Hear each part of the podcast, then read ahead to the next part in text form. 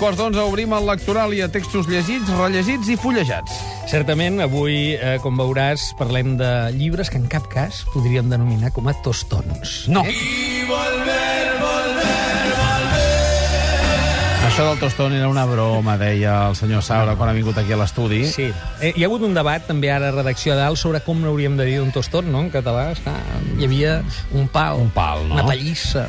Però és que tostón és molt descriptiu, eh? Diguem, com a terme, saps? Allò Jo que... recordo a classe que el, el terme, això és un pal. Això és un pal, seria, sí. no? Bé, doncs bé, aquest Volver, Volver és una versió de Los Lobos. Eh, Te'l porto perquè és una de les bandes sonores originals d'aquesta novel·la. És a dir, és un... hi ha vegades que hi ha novel·les que utilitzen la música.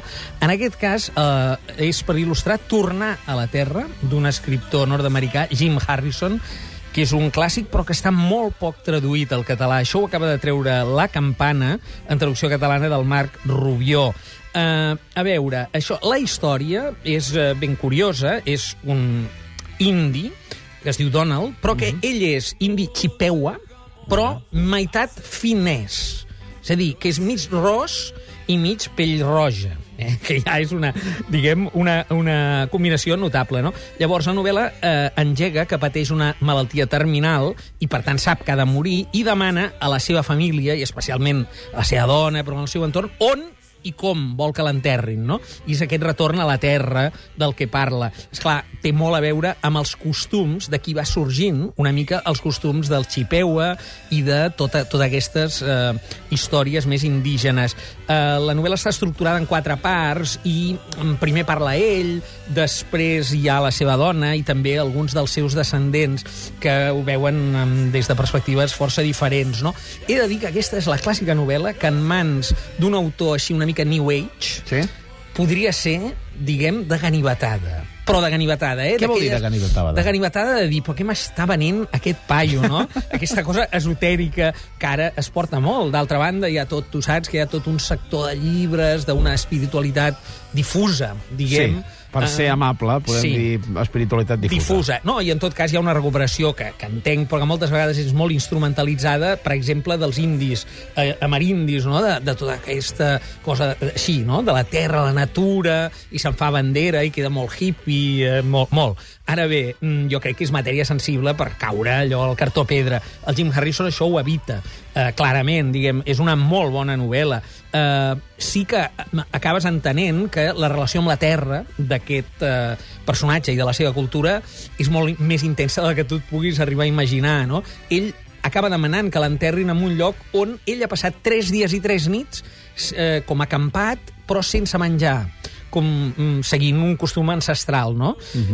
Que penses, en fi, mm, hi ha, hi ha una cosa telúrica, una cosa, eh, si tu vols, animal, com de cementiri d'elefants, no?, al darrere, però el Jim Harrison ho aconsegueix explicar molt bé, no cau mai en la caricatura, no? I, sobretot, clar, tracta molt de la redempció, perquè, en certa mesura, ell ja li ve a dir a la seva dona que es busqui un nòvio, no? O li, li ve a dir que, que la vida continua, li transmet eh, doncs, que, en fi, allò s'acaba i, i, clar, això acaba tenint un pes molt, diguem, molt dramàtic, però alhora també molt autèntic, no?, en la relació amb... Deixa una herència, aquest paio. Aquest paio mor, evidentment, però deixa una herència, i això ho veiem, doncs, tant amb els més joves, que van més desorientats i Sí. escolten el Volver, Volver, diguem, i un que està a Mèxic, com especialment en el personatge de la seva dona, que és molt potent, no? Torna ell a la terra, diguéssim, d'aquesta manera, però deixa, deixa algunes coses petja, lligades, sí, eh? Sí, sí, deixa...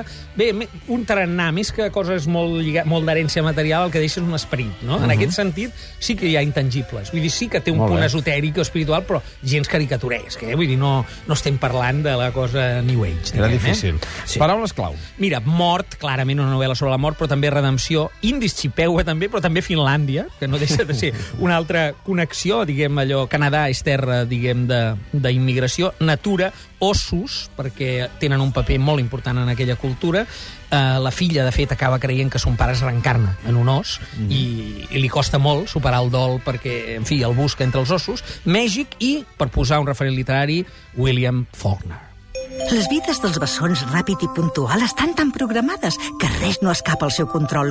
Són tan disciplinats que no creuen en l'atzar. Un matí, les bessones Natura i Comoditat s'asseuen davant seu al tren. Aleshores, llancen una moneda a l'aire i s'intercanvien els seients. Quan viatges en el nou AVE directe Barcelona-Sevilla, havent obtingut un descompte del 60% gràcies a la tarifa web, viatjar es converteix en alguna cosa més que viatjar. Renfe. Nous temps, nous trens. Ministerio de Fomento, Gobierno de España. Els Beatles i el seu submarí ens serveixen per il·lustrar quin llibre, Màrius? Mira, aquest he de dir que és un llibre rellegit, però que l'he agafat expressament influït per l'actualitat trepidant que tu aquí vius cada dia des d'aquesta taula. Milletística? Sí, eh, economia submergida, directe, directament. Hi ha eh, el cas Millet i casos eh, Hisenda i no sé Ah, què. sí. I mira, eh, i el tenia pendent, jo no l'havia llegit mai, eh, però és un rellegit perquè és en edició butxaca, eh, tenia pendent llegir El mundo sumergido, dic perquè no hi ha edició en català, és la traducció al castellà d'en Ballard. A veure, en Ballard, eh, aquí l'any passat se'n va fer una exposició al CCCB i molta gent el va descobrir. Ara bé, és un novel·lista de ciència-ficció, però autor de l'Imperi del Sol, que després Spielberg va portar a la pantalla, autor també de Crash, que és aquella eh, pel·lícula que després en Cronenberg també va portar a la pantalla, Sí. i és molt de culte. És un de ciència-ficció, però molt poc a l'ús. Eh, jo havia llegit eh, la seva autobiografia, havia llegit altres llibres, però mai aquest món submergit, no? Clar, això és, és una novel·la de ciència-ficció, però situada eh, com en un món en el qual les aigües han acabat, han acabat submergint totes les ciutats, perquè l'escalfament global, això està escrit fa dècades, eh, però ja parlaven, ja preveien, no?, això de l'escalfament global, ha fet pujar el nivell del mar, no? Llavors, clar, aquí mm, ha, ha tornat tot la Terra el que ell ve a dir l'estat el Triàsic. I aleshores hi ha unes bestiotes tremendes, marines, que viuen en el que abans eren les ciutats, però que estan submergides, i uns supervivents humans que, en fi, viuen en, ba en barcos i eh, viuen cap als pols. Només el nord i el sud és l'únic lloc on els queda, no? Clar, davant d'això, això és una novel·la ciència-ficció i a qui li agradi el gènere em, estarà dient què em ve a descobrir, miqueta ara, que això és un clàssic, no, el Ballard, però jo que hi he entrat i no sóc un gran lector de ciència-ficció, la veritat és que eh, m'ha impactat, eh? Vull dir, m'ha interessat. Eh, he trobat que ell aprofita, diguem, per eh, fer alguna divagació filosòfica i fins i tot de tornar a l'era pre a l'era animal, eh? una mica com el tornar a la terra d'abans, però aquest a l'aigua, eh? diguem, la, la cosa més marina. I eh, tot plegat, la descripció dels ambients, hòstia, és superimpactant, no? T'imagines, doncs clar, estàs a Londres, en realitat acabes sabent que ets a Londres quan comencen a submergir i van a Piccadilly, no? Però, però esclar, allò és un món en el qual hi ha uns personatges absolutament perduts, en una situació, diguem, molt així amb uns cocodrils gegants, eh, en fi, eh, molt de ciència-ficció, però recomanable, no? Mm -hmm. eh, mots Paraules clau, clau? ciència-ficció atlàntida, aquí, ment reptiliana, per dir una cosa així més de psicologia, cataclisme, origen i, sobretot, sobretot, lluita, perquè és una novel·la d'acció com les bones novel·les de gènere. Enmig de la mar.